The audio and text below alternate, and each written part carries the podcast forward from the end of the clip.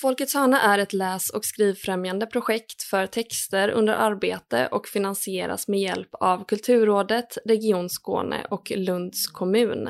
Tackar!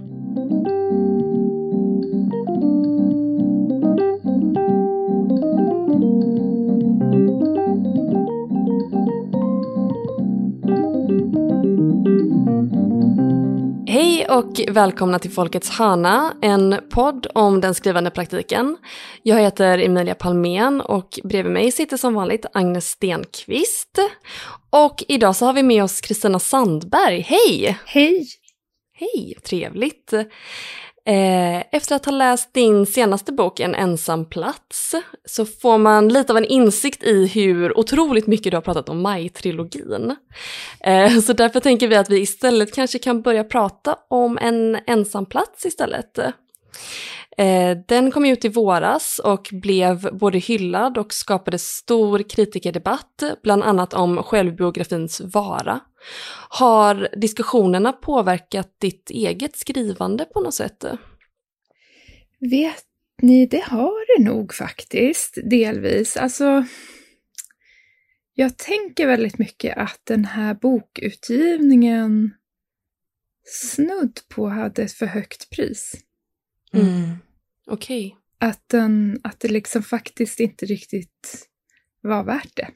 Eh, för att eh, det, det var ju inte bara den debatten som, som liksom syntes och som var i media, det hände mycket andra saker också som gjorde att jag tänkte, men, men å andra sidan så, känner, så vet ju jag som liksom feministisk författare, kvinnlig författare, att, att ska man göra någonting på allvar och, och våga liksom ta risker så, så kostar det ju också någonting.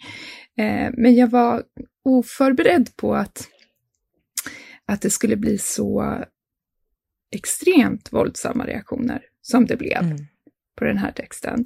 Det är ju liksom en, en självbiografisk roman som handlar om en kris och en gestaltning av en kris. Och att det är så provocerande tycker jag är intressant. Har du själv följt med i, i debatterna eller har du liksom försökt att, att, att inte läsa? Eller hur, hur hanterar man det här, liksom, den här stormen? Alltså jag, jag försökte att inte läsa i början, men det blev så mycket så att det kom, det liksom sipprade in till mig ändå, nästan allt som som hände. Och, och, för det var alltid någon som hade, nu har jag läst en bra grej i Sydsvenskan var det någon kompis och så hade någon annan läst något annat. Och, och människor har också olika syn på vad de tycker är liksom bra texter och balanserade texter. Och liksom, alltså när man inte är mitt i det så kan man ju också tycka att, att det inte är så farligt liksom. Men, men eller att man ska se vissa reaktioner nästan som skämt eller sådär. Men, men det kan ju vara rätt svårt att göra när det är, mm.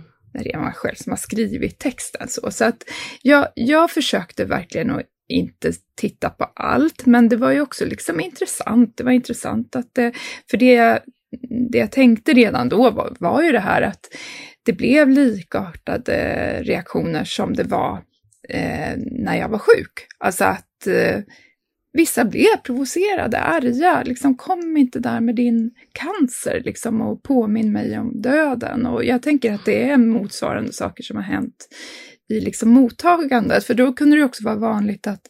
Eh, för jag tänker så här, att när någon har ett ett lidande, det är liksom som, som blir väldigt tydligt, som man inte riktigt kan värja sig mot, så kan ju det väcka det egna lidandet och ett behov av att prata om det man själv brottas med. Så det var ju väldigt många som i sina re recensioner också skrev om egen sjukdom, egna kriser, kanske oproportionerligt mycket, eftersom mm. de också då kanske var mer negativa till min text. så. Eh, och det tänker jag också är ett sätt att det är jättesvårt att hantera liksom, kriser. Och, och det, det är egentligen liksom, mottagandet av boken. För jag tänker inte att det egentligen handlar om autobiografin, för att det, det är någonting mer och någonting annat. Och kanske att det också har med den kvinnliga kroppen att göra. När, när liksom en kvinna skriver om en kropp som går sönder och är, är, tra, är trasig liksom och inte eh, och är ful och är liksom allt möjligt. Det, det, det verkar provocera, tänker jag. Mm. Om, om du säger nu att du på snudd eh, ångrar utgivningen av, eh, av boken, tänker jag hur fungerade den i så fall under själva processen? Mm. Alltså vilket syfte eller vilken funktion fick skrivandet av den här boken? Eh, ja, men alltså det, det, det, hade verkligen ett, ett väldigt... Alltså det, det, det är så dubbelt att jag, alltså, jag, säger att jag liksom ångrar, men alltså jag visste ju medan jag skrev att det här är ju jag tänker att jag alltid vill ta risker när jag skriver. Jag vill liksom inte safea. Och eh, det här var också ett, liksom jag visste att ja, nu skriver jag autobiografiskt. jag skriver, och då, då tänker jag, då kan jag inte hålla på att välja bort en massa och frisera, utan jag måste ändå försöka skriva texten så uppriktigt som möjligt och också låta alla de där fula reaktionerna som fanns i krisen, att de får vara med.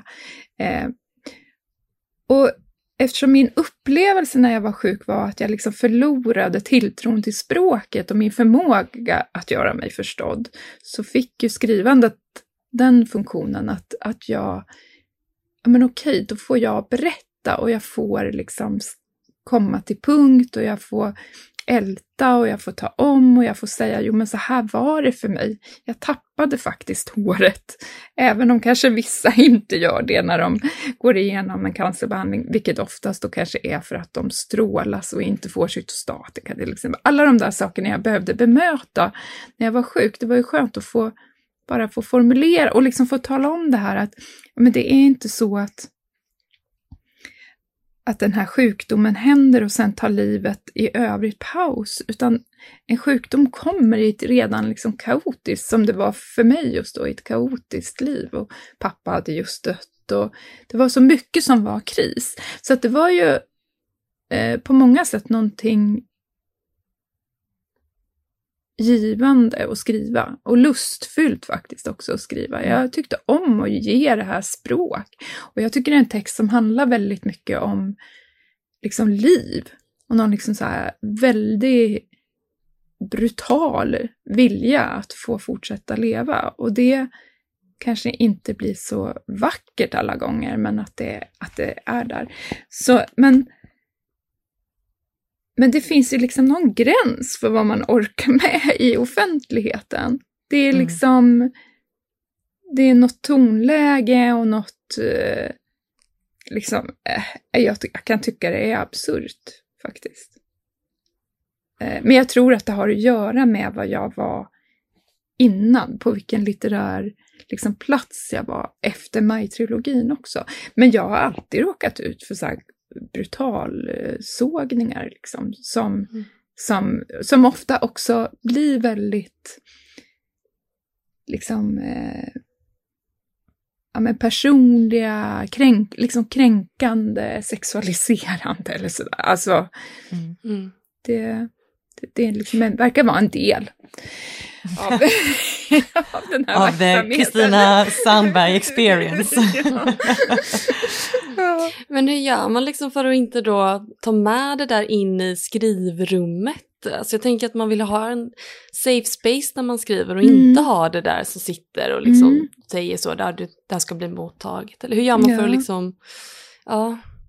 Nej, men jag har ju det här att jag brukar liksom upprepa för mig själv att ingen ska läsa det jag skriver. Att jag liksom, det har, så har jag liksom alltid tänkt när jag skriver, för att jag vet hur fruktansvärt lätt det är att börja censurera sig och börja mm. lyssna efter vad är det som gäller, vilka texter får bra kritik, vad, vad bör jag göra? Liksom att hela tiden gå tillbaka till det där. Vad, vad är det jag måste skriva? Vad är det jag måste göra? Så att, så att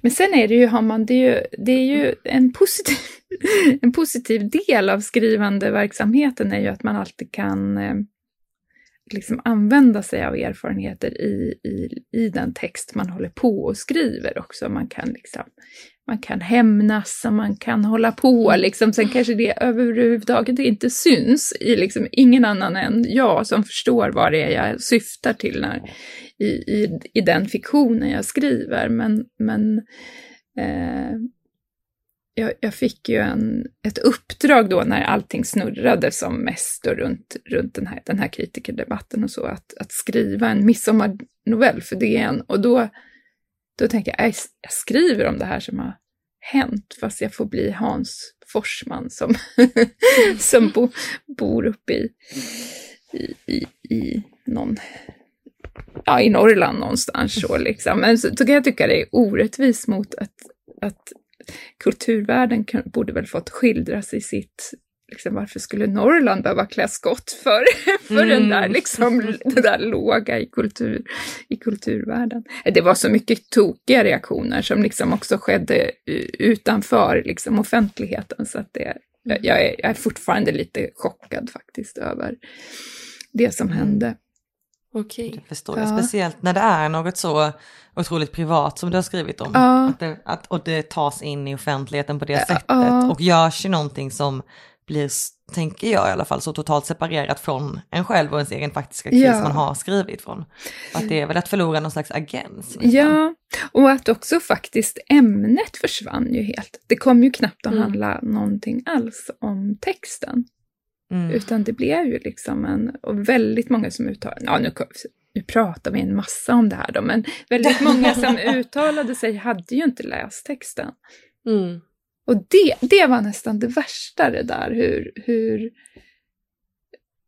hur man känner att man liksom, jag har visserligen inte läst men jag tycker, jag har visserligen, nej men ja varför ska du tycka då så himla mycket liksom? Mm om, om det, varför dra med mig? Ja, det var verkligen att förlora, eh, förlora liksom min förmåga att skydda texten som text. Men å andra sidan, det måste jag ju verkligen betona, så har jag ju också fått jättefina läsningar och, och liksom kanske starkare engagemang i läsningarna för de som texten har betytt mycket för. Så att jag tror att i slutändan kommer jag tycka att det var, var värt ändå att ge ut texten och det var definitivt värt att skriva texten.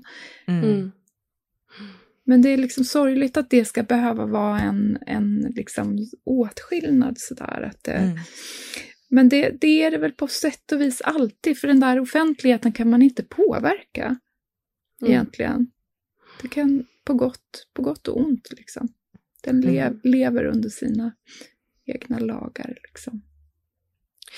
Jag tänker på det här som du säger med att du, du skriver och så tänker du, nu ska ingen läsa det här. Mm. Och sen så när man läser en ensam plats så finns det liksom vissa sådana här små kursiveringar mm. som är lite sådär, det här kan jag ta bort sen. Mm. Alltså det här kan jag, eh, hur går den liksom, redigeringsprocessen till där då? Hur gör du för att vara modig i den och, och inte ta bort det där som du kanske kan ta mm. bort? Eh Ja, jag, är, jag försöker väl att liksom vara... Det jag har tagit bort är väl kanske snarare... Jag har ju liksom ingen... Det är så dubbelt i den här, med den här texten, för jag har liksom ingen ambition eller önskan och vilja egentligen att anklaga någon annan, utan egentligen vill jag bara berätta att när en kris blir så här stor så kan de här konstiga, svåra sakerna hända också i nära relationer. Att, att det, det är så mycket som ställs på sin spets när det kommer in ett liksom, dödshot eller när, när, när krisen är väldigt svår. Och det tänker jag kan hända egentligen vilken kris man än befinner sig i. Liksom, att det kan, jag menar, det behöver inte bara ha med sjukdom att göra. Eh, så att vissa liksom reaktioner som liksom kanske chockade mig kan ju, kunde ju jag i efterhand förstå hur de hängde ihop med liksom den personens egen ångest och kris och sådär. Och då kanske det liksom, vissa saker vill jag ändå ta bort av den. Jag kanske, jag kanske hade skrivit någonting men ändå. Eh, men när det gäller att lämna ut vissa saker med mig själv, då, då är jag ju ganska modig, tänker jag. Liksom, att jag mm. faktiskt mm. har skrivit om, om mycket liksom, av det. Inte, inte försöker... Ja, jag hoppas det i alla fall. Det känns eh, väldigt ärligt. Ja, Ja, men jag Mm. tänker att, det, att den får vara det och att den... Men det, det är ju samtidigt kanske det liksom viktigaste alltid ändå är den här att liksom ha den språkliga rytmen, att det ska vara... Så, så på sätt och vis tänker jag på den här texten på ett liknande sätt som Maj-trilogin och sådär. Alltså att vad, vilken text... Eh, på ett sätt är det ju här ett nersnurrande i en liksom... Eh, I någon helvetesvandring eller så, att liksom när man har kommit ner en ska man ännu längre ner och så här, och sen så någon slags långsam resa upp. Eh, och att det finns många olika trådar som flätas, så jag har nog liksom tänkt väldigt mycket komposition och då kanske det har varit liksom att ibland kanske någonting av det gnälliga och arga, att det blir för mycket, det måste in någonting annat för att det, det rent liksom textkompositionsmässigt så. Att texten Mm. låter på ett lite annat sätt. Hur såg eh, själva processen ut när du skrev den här boken? Var det liksom dagbok du förde och, eller hur, eh, hur kom det sig att du liksom började sätta ihop det här till en, till en slags roman? Mm. Alltså det, jag, jag har fått den frågan förut och, och märker att jag har lite svårt att svara på den för att dels så var det så att jag började skriva om min pappa ganska direkt när han hade dött. Så att eh, då fanns det liksom ett eh, väldigt sådär, ingen tanke på att det skulle bli text, men jag fick också någon fråga om att skriva om trädgård för tidningen Vi. Eh, så jag liksom började skriva eftersom pappa höll på med sina plantor där uppe i Ångermanland och så, att han hade dött precis i det där steget. Med, jag menar, han hade hållit på med sina plantor det sista han gjorde och sådär. Så att jag skrev en text om det och så, och så samtidigt då så, jag tror om det var precis efter eller precis liksom i samband i alla fall med den där frågan om texten så fick ju jag min, mitt cancerdiagnos också. Så att jag var liksom inne på att skriva och ändå formulera och, och jag höll på med det där att bara liksom, jag, det var inte dagboksskrivande, för jag har dagboken har jag också och den, den är liksom någonting annat. Eh, utan jag, jag hade nog en tanke på att jag ska skriva, jag ska dokumentera det här. Jag ska dokumentera vad som händer. Eh, och vilka minnen som kommer och sådär. Så, och sen så liksom har det gått i perioder så att jag, jag, jag skrev, jag skrev ju för hand först, jag skrev liksom i, i block. Jag hade block, jag hade flera olika block. Eh, och jag skrev väldigt mycket om min pappa som inte har kommit med i boken och sådär som liksom var Ja men det här att när någon har dött att liksom försöka fästa personen vid livet på, i, i skrift sådär och tänker att jag kommer kanske skriva om det sen så. Men, Mm. men sen kom ju den här egna krisen, tog ju på något sätt också över. Eh, eh, så att eh, Jo, men jag höll på med något skrivande, men sen så liksom i vågor då så har liksom har det verkligen varit så att jag inte har kunnat skriva. Det är liksom inte, jag, jag, jag kan ju tycka att det kanske verkar lite kokett där, liksom, men jag fick ju så ofta frågan om skriver du, skriver du något nytt, kommer det något nytt? Och det var liksom så skrivandet var så långt borta. Det var som att jag bara ville säga, men nej, jag har ingen kontakt med skrivandet. Det är liksom, livet är så liksom brutalt just nu. Jag måste bara jag måste liksom fokusera på andra saker. Samtidigt som ju jag hade en jättesorg att jag inte skrev, att jag inte kunde skriva fiktion, att jag inte var, att jag var språklös. Liksom. Så, att, så att det, det här var väl ett sätt att försöka övervinna språklösheten och acceptera att det blir inte fiktion. Jag kan inte Mm. skriva fiktion nu. Ehm, så att, eh, och sen, sen är det, det är ju liksom ändå så, nu är det fem år sedan jag var sjuk, så att väldigt mycket av texten, texten skrev jag ändå förra, förra hösten och, och, redan, och ända in under våren i år. Mm. Så att det liksom, men det, då är det ofta partier som jag har skrivit där i taket och liksom, eh, så det finns liksom spår. Så det har, sett, det har sett väldigt annorlunda ut mot mina tidigare skrivprocesser. Skrivit under lång tid och eh, eh, en väldig öppenhet för att det som kommer får komma. Så har jag tänkt. Det här med att skriva för hand och skriva i block, Mm. har du använt dig av det innan också i andra skrivprocesser? Eller det är liksom specifikt, du gör Nej, det? jag gör det. Nej. Jo, det gör jag. jag, jag så hela Maj-trilogin är också skriven i block, liksom, så att jag har ju jätte... Det är som att jag skriver långsamt på dator, jag skriver snabbare för hand, så att jag är Mhm. mer i kontakt med tanken, liksom. Och det är som att när jag för handen mot pappret så, så händer det någonting. Det är som att jag kommer in i rytmen, tycker jag. Som jag som liksom jag stoppas upp när jag skriver på tangentbordet. Att det liksom går inte tillräckligt fort.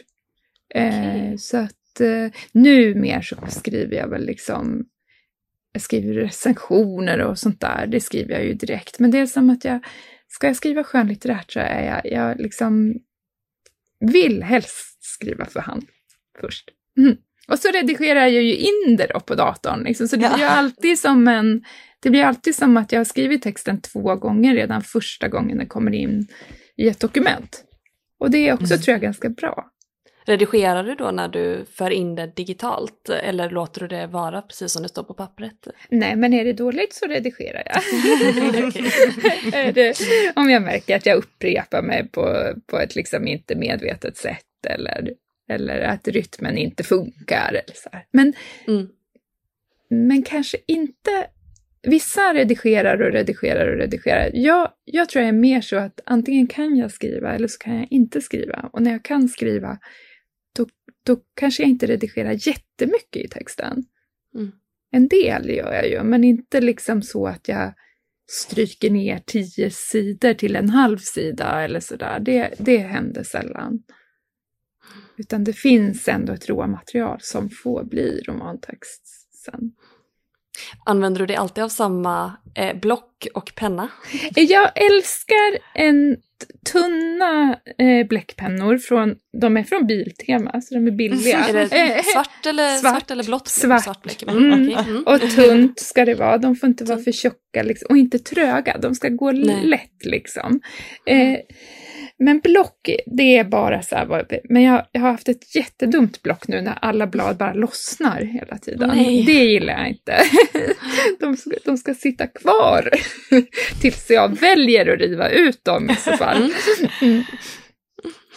Så det, jo, men jag är, tyvärr så, så kan jag tycka det, eh, när det är så här matt eh, papper, det, det kan vara jobbigare att skriva, liksom, för jag tänker Mm. det kanske är ett bättre miljövänligt papper, men, men eh, ja, Ja. Okej.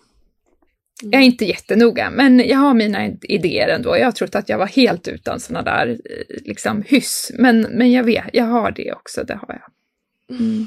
Tycker alltid om när man får reda på någon författare så, eh, vad ska man säga, gimmick typ. Ja. Mm. Det är så, ja men Hemingway drack alltid ett glas whisky på morgonen. Och det är så här, ja, eh, Kristina Sandberg måste alltid ha sin biltemapenna. Här, exakt. Oh, man blir lite pirrig. Ja. Absolut, jo men det, det, det måste få vara lite sådär också runt skrivandet. Jag, jag var lite sträng när jag var yngre för då, då kunde jag tycka vissa hade sådana här enorma ritualer och då tyckte jag nästan ritualerna tog över. Det, man kom liksom inte till skrivandet för allt skulle stämma och det skulle vara liksom eh, men lite ritualer är nog bra för att försätta sig i, liksom, i skrivtillståndet på något sätt Mm. i det där osensurerade kanske, eller vad det kan vara. Du talade innan om att du kände att du förlorade ditt språk under sjukdomen och att du inte kunde skriva fiktion. Eh, nu vet vi ju, som har varit med på Folkets hörna med dig, att det verkar som att du skriver en lite mer skönlitterär, eller en Mm. skönlitterär text som Mm. förhoppningsvis blir en ny bok. När kom liksom fiktionen tillbaka till dig?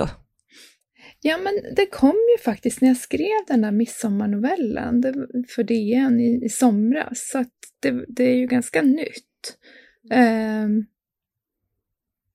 men jag, jag var och träffade författaren Elin Bårdi i Lerum i, i, bara förra veckan. Och vi pratade om skrivandet om det här och även Jessica Schiefauer som, som att, att man kanske ibland måste man måste göra någonting eh, ja, men kanske också att Maj-trilogin lite grann har varit, alltså det, det finns så himla mycket glädje med den och så mycket, jag så, liksom, har haft så många fina läsarmöten och jag är så glad att jag har skrivit den, men det är ju också en slags börda, att jag kan ju inte skriva den igen liksom. Och det är första gången jag liksom har behövt skriva och liksom verkligen ta in att det finns förväntningar på vad jag, vad jag ska skriva. Eh, det, det, är liksom ett ovant läge och lite läskigt läge. Eh, och på ett sätt kan jag tänka att en ensam plats var mitt sätt att säga, jag kan ändå bara skriva det jag måste. Mm. Eh, och när jag har gjort det så öppnar det plötsligt, ja men nu är jag i ett nytt läge, nu känns det som nu finns inte de där förväntningarna på samma sätt. Eller det, det, har liksom stökats till så att jag kanske har gett mig ett större utrymme att skriva igen. Mm. Skriva någonting annat och någonting. För jag tror att det är ganska farligt för en författare att börja tänka att man vill liksom, om man då har fått eh, väldigt fina recensioner och priser och sådär, att man vill ha det där igen. För att då tänker jag att det är ganska lätt hänt att man hamnar snett på något vis, eller att man kanske ja. inte vågar ta de där riskerna och så. Eh, så att jag tror, jag tror att jag, när det var som mest liksom snurrigt i den där debatten och så, då kändes det, äh, jag gör något annat, nu bara börjar jag skriva liksom. Och så var det roligt, för att det, jag var verkligen tvungen att, att liksom försöka övertyga mig själv om också att ja, men det, vad tycker jag om i skrivandet? Vad är det viktiga? Vad är det roliga? Och det är ju, det är inte kanske själva bokutgivningen, även om jag tycker det är fantastiskt att få möta läsare. Och man kan ju också möta fantastiska läsare i kritiker. Men, men det, är, det är ändå själva processen att vara i skrivandet. Mm. Nu är det ju i början mm. någonstans av en ny process. Mm. Hur ser det, den processen ut för dig?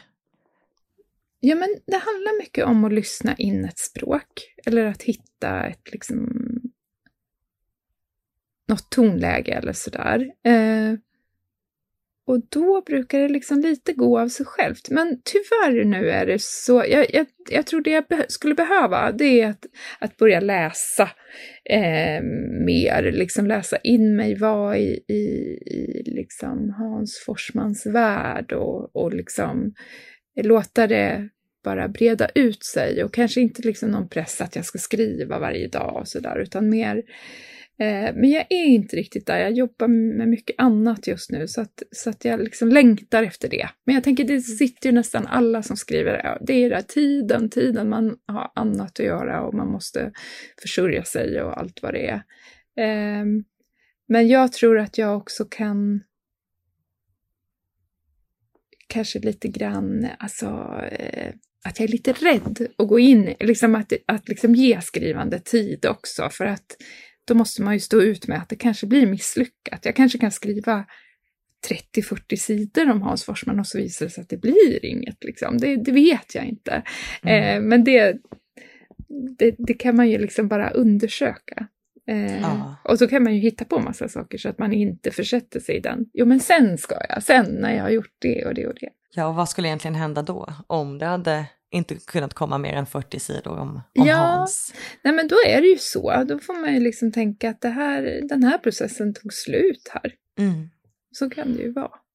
Hur är du annars med, när du är inne i en, en skrivprocess, är du, vi brukar prata lite om att man är antingen en, någon som sitter och skriver i åtta timmar om dagen och är superfokuserad eller så skriver man tio minuter på bussen och sen så går man en promenad. Och, hur ser liksom en skrivdag ut för eh, dig? Ja, nej men alltså när jag skrev mig trilogin så var det väldigt, alltså jag skulle generellt säga att det är det här, när jag skriver så skriver jag, så att då behövs det ganska lite för att jag ska liksom få men det behöver några ord eller liksom lite Ska, kanske vi borde tända lampa. Nej men några, några eh, liksom någonting som sätter igång en scen.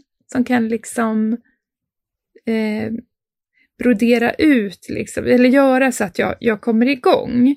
Eh, och med Maj-trilogin var det ju liksom mer tydligt att då, då följde jag ju så stora bågar så det fanns ju liksom en historia, alltså en historisk tid att ta hänsyn till och sådär. Men det kunde vara det kunde vara sådana där saker som att jag läste någonstans om autostrador, så tänkte jag det säger vi ju inte idag. Liksom. Alltså, så liksom det, ja men då kan jag göra en text om, om utifrån det ordet liksom som, som, som blir en helt realistisk scen eller vad man ska säga. Men det är samtidigt så har jag hittat något att leka med språket och det, då kanske jag liksom Ibland kan det vara så att jag har sett den scenen då framför mig när jag är ute och går till exempel och bara går hem och sätter mig och skriver. Men ibland har jag bara det där ordet autostrada och så händer det när jag, när jag, när jag skriver. Så det, är inte liksom, det finns ingen liksom superkonsekvens. Men,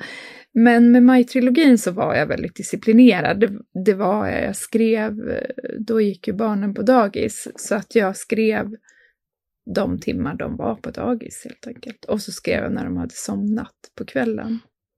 Mm. Så att, eh, och jag hade ju liksom förmånen då att ha eh, arbetsstipendium. Ja, det var ju inga liksom, stora pengar, men det gick ändå liksom. Och jag kunde jobba extra med andra grejer också. Eh, jag tänker om man måste försörja sig liksom eh, helt liksom jobba deltid tid, 75 procent och skriva sen, då, då, kan, då måste man ju liksom hitta andra sätt att få in skrivandet i, i, i liksom vardagen. Livet. Mm. Brukar du göra mycket research? Är det en, en, en rolig del av skrivandet? Liksom? Ja, men det är det faktiskt. Och särskilt mm. med Maj-trilogin var det jätteroligt. Liksom. Alltså jag, mm. Ska vi tända den här lampan nu då? Jag gör det. ja. Så. Så. Ser vi dig. Ja. Mm. Nej men eh, då gjorde jag ju så enormt mycket research. Så jag läste mm. ju, jag läste lika mycket som jag skrev tänker jag i tid så. så att det, och det var ju jätteskönt också att liksom, okej okay, skriv, Alltså jag kanske skriver max två timmar så här koncentrerat eh, på en arbetsdag. Ehm, men sen då kanske jag lä liksom läste i, i tre timmar och sen redigerade jag texten på kvällen så det kanske blev en åtta timmars arbetsdag ändå. Men, men jag skulle nog inte kunna sitta och skriva i åtta timmar, det skulle inte gå. Det, det, Nej, jag tänker speciellt inte om du skriver för hand dessutom. Det är ju en ny version av musar. Ja, exakt, exakt. Men att det liksom faktiskt tar stopp någonstans. Det är som att.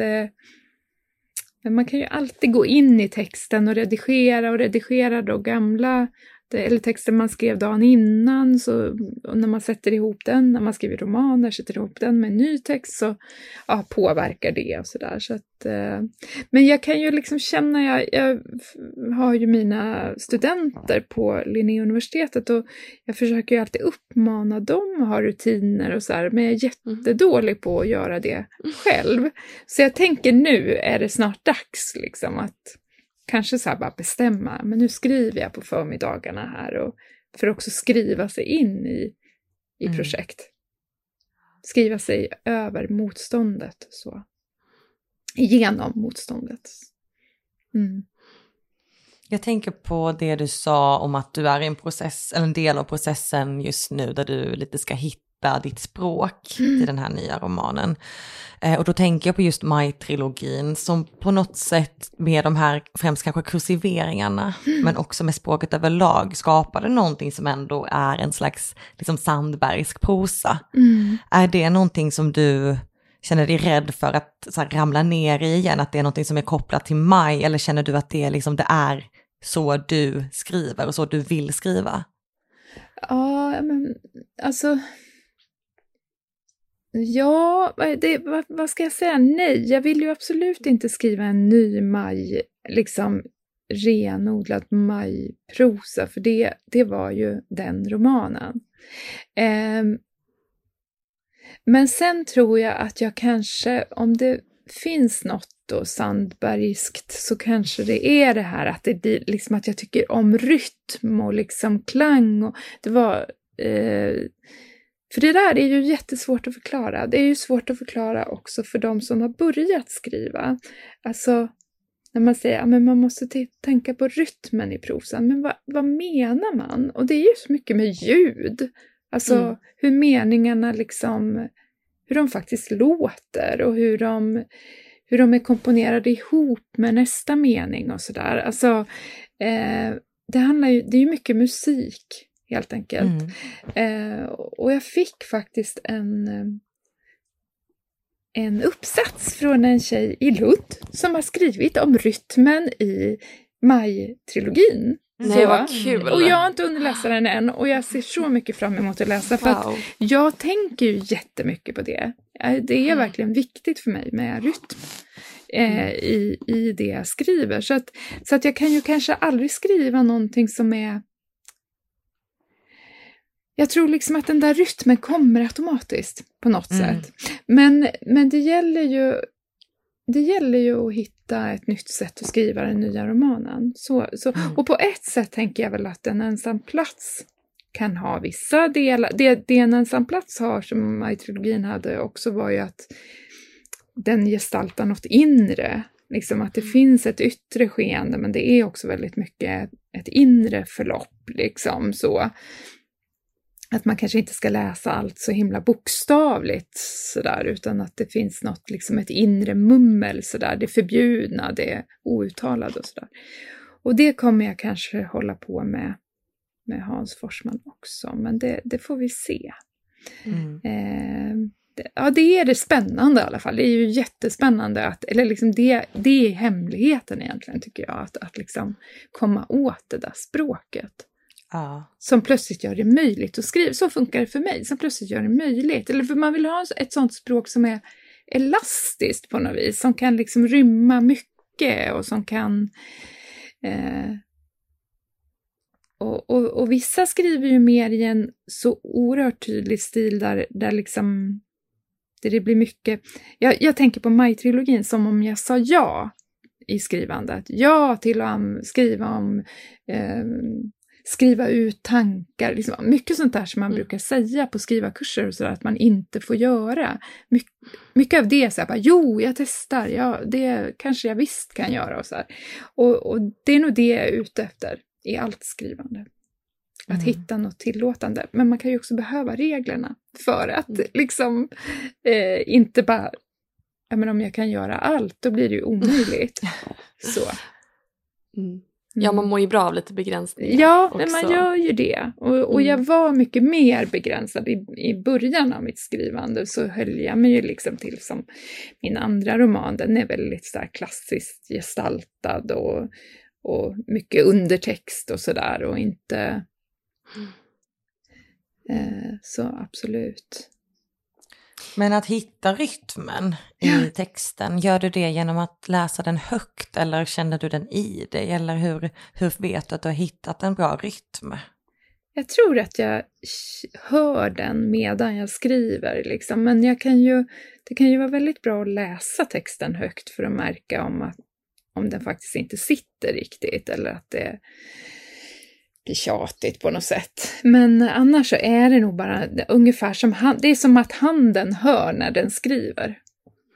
På något mm. märkligt sätt, liksom att det, det, det är något som bara händer. Det är någon synergi. Ja, mm. men det är nog mm. synergier och det är liksom också, och det handlar ju lika mycket om brott liksom, att om det har blivit smetigt så ska det in något hårt och är det för mjukt så, eller liksom all, så att det, det, det är ju inte så att att rytmen behöver vara liksom harmonisk, utan den kan ju också vara väldigt oharmonisk. Om den ska gestalta något sånt liksom så. Låter lite som att komponera en, eh, en måltid. Ja, verkligen. Lite syra, lite krisma. ja, verkligen. Ja, och i Maj-trilogin mm. skriver jag ju mycket om mat, så det finns mm. ju, det finns ju likheter. Verkligen.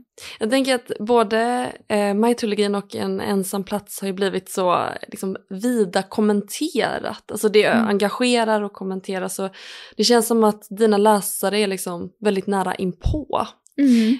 Eh, hur gör man när du skriver sen då, när du skriver nu, hur gör man för att liksom eh, behålla sin integritet eller inte bli påverkad, både liksom kanske positivt och negativt, men hur gör man för att liksom ja, men behålla sin integritet som, som skapande person. Ja, nej men det, det, på ett sätt tror jag att, att hela En ensam plats handlar om det. Att jag ju liksom...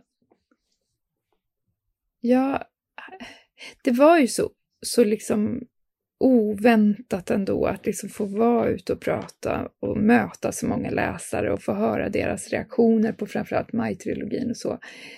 Eh, och jag visste ju att, att många var ju provocerade av Maj och av texten och så, men många hade ju, tyckte ju också väldigt mycket om den och hade väldigt engagemang i den och sådär. Så att, så att jag kände ju då att Nej men hjälp, jag vill inte göra er besvikna, men jag kommer ju inte kunna skriva en till Maj-trilogi liksom. Det, det är omöjligt, det går inte. Så att jag tror att jag jobbar ganska aktivt med det där och, och andra kanske skriver mer omedvetet om att läsarna är där.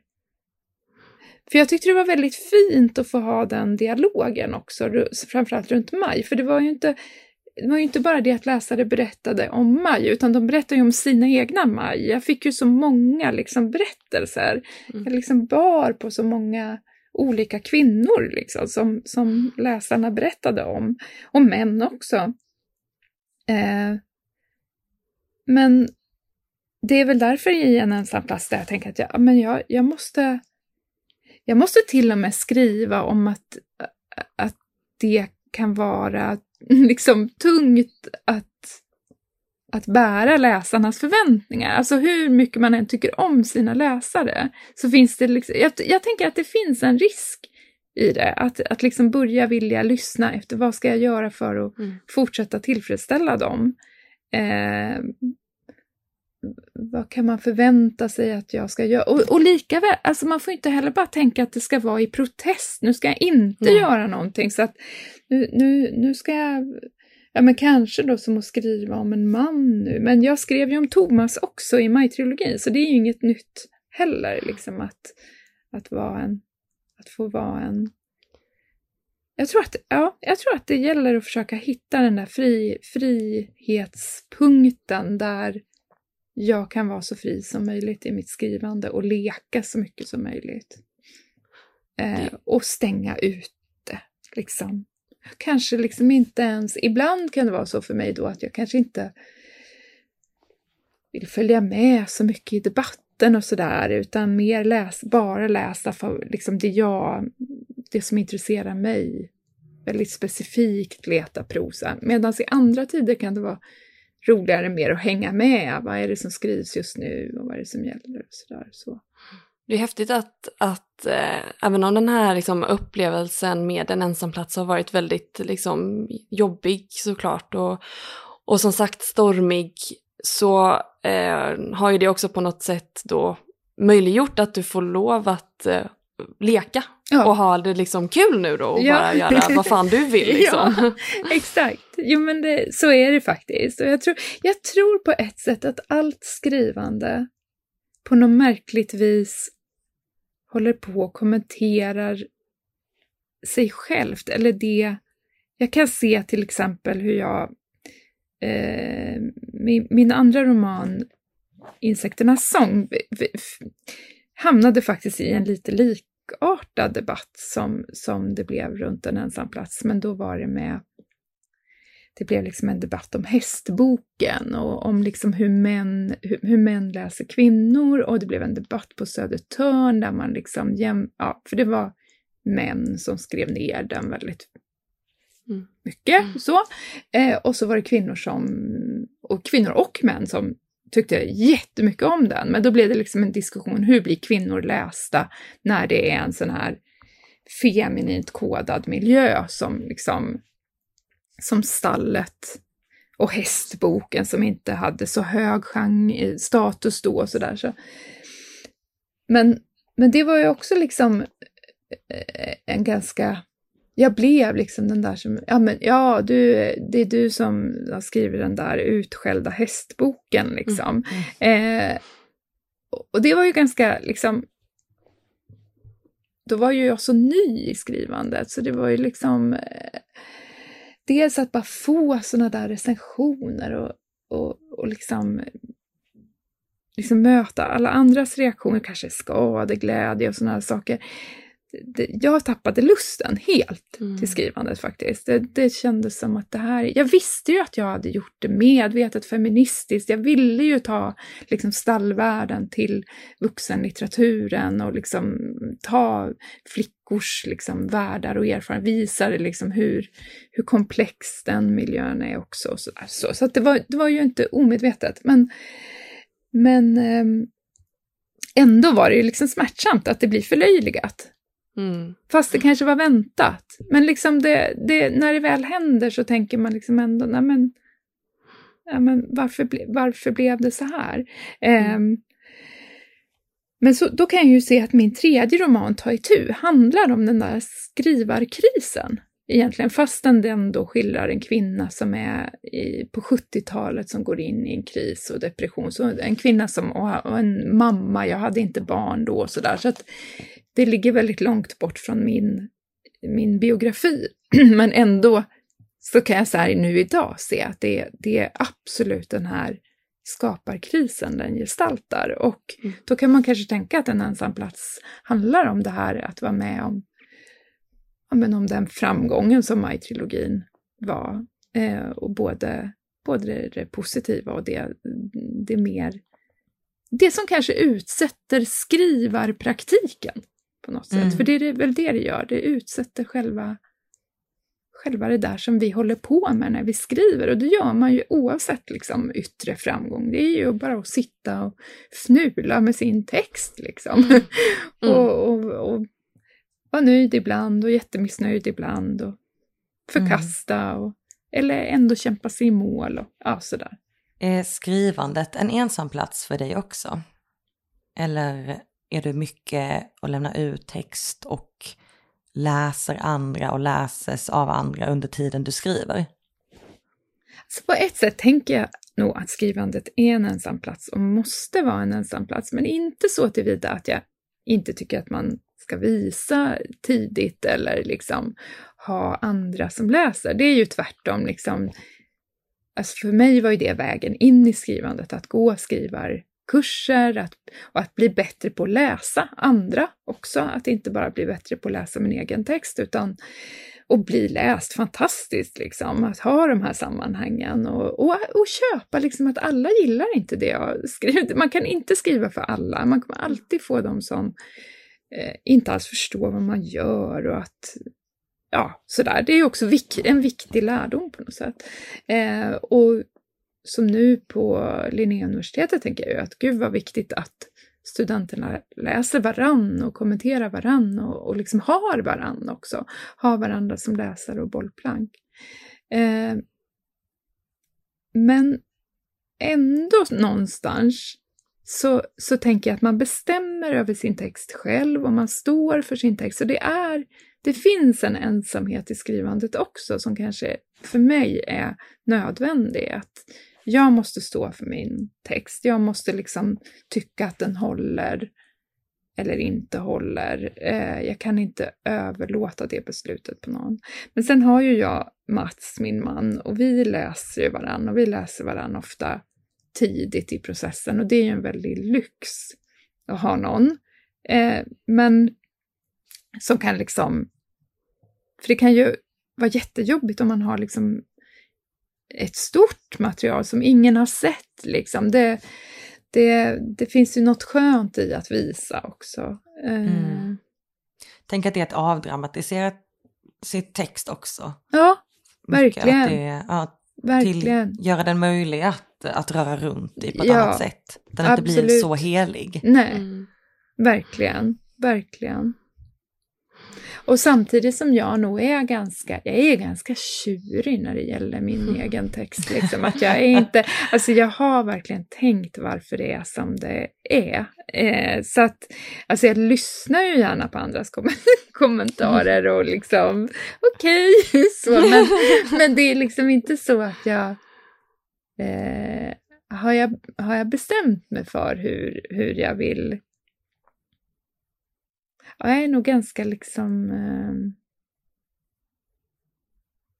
Jag vet, Mats brukar säga det. Jag, så då säger han liksom att, av ställen han inte tycker funkar och så kanske borde du göra så här. Och då gör jag alltid något annat. Jag kanske ändrar, men jag gör liksom något och han tycker ofta det ändå blir bättre när jag gör mina ändringar. Men det är ju det där att någon har sagt nej, det där funkar inte.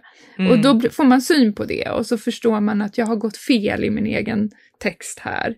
Och man måste få syn på det. Men att bara ta någons förslag, då kanske det, nej, nej, det gör jag nog inte så ofta. Det är ju lite, lite dumt kanske, men... men eh, Nej men som sagt stor integritet.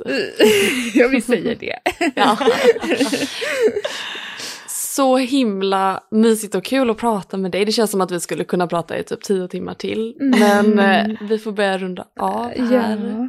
Är det någonting som du vill tillägga eller säga innan vi lägger på för idag? Det är jätteroligt att prata med er. Verkligen. Mm. Så roligt att prata skrivprocess. Mm. Det tycker vi med. Ja, det är ju det roligaste med mm. skrivandet. Mm. Mm. Då säger vi som vanligt tack till Klara som klipper vår podd och tack till dig Kristina för att du ville vara med idag. Och tack till er att jag fick vara med, jätteroligt. Tack. Hej då! Hej då!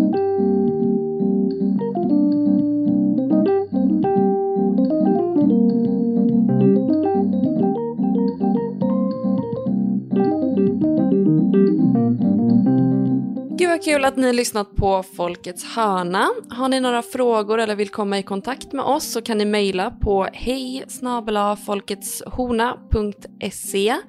och följ oss gärna på sociala medier, eh, Facebook och Instagram. Där heter vi Folkets hörna.